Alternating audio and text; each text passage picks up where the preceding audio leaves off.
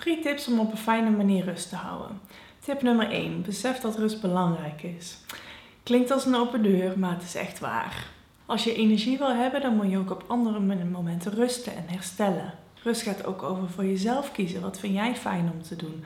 Waar word jij rustig van? Waar word jij ontspannen van? En vooral het leven wat wij tegenwoordig leven, met al die prikkels, met al die to-do-lijstjes, is het echt belangrijk om regelmatig rust te houden. Wel zou het kunnen zijn dat je bepaalde ideeën of overtuigingen over rust houden hebt. Bijvoorbeeld, ik uh, kan wel rusten, maar dat kan alleen als ik uh, mijn to-do-lijst heb afgerond. Of als je niets doet, kan je beter iets nuttigs gaan doen.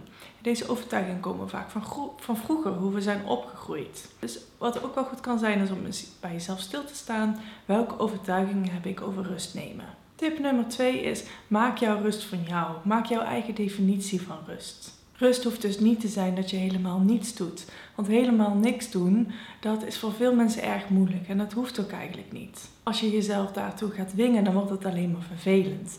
En dat willen we niet hebben. Voorbeelden van rust kunnen zijn vijf minuten mediteren, maar ook bijvoorbeeld eh, even in alle rust een kop thee drinken, uit het raam staren, je partner of je hond een knuffel geven iets doen wat je leuk vindt om te doen, muziek luisteren, een boek lezen met kaarsjes aan enzovoort. En wat ik merk aan mezelf is dat er vaak vanuit rust ook weer energie kan ontstaan.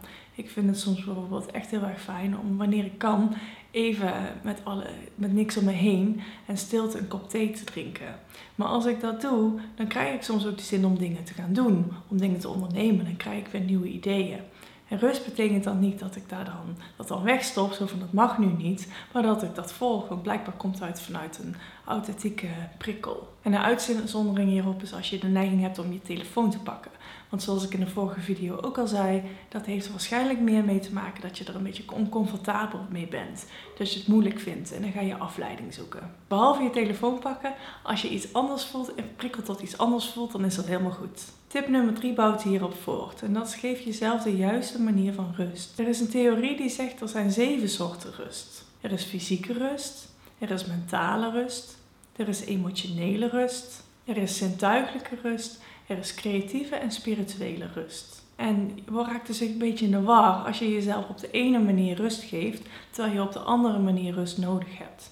Een voorbeeld is bijvoorbeeld als je een baan hebt waarin er veel van je wordt gevraagd. Er wordt emotioneel, sociaal en mentaal veel van je gevraagd. En je komt thuis en je gaat allerlei dingen regelen thuis. En zodra je daarmee klaar bent, plof je op de bank. Dat op de bank ploffen is een fysieke vorm van rust. Maar die rust heb je eigenlijk niet zo nodig, want je hebt niet fysiek veel bewogen die dag. Je hebt mentaal en emotioneel veel dingen gedaan.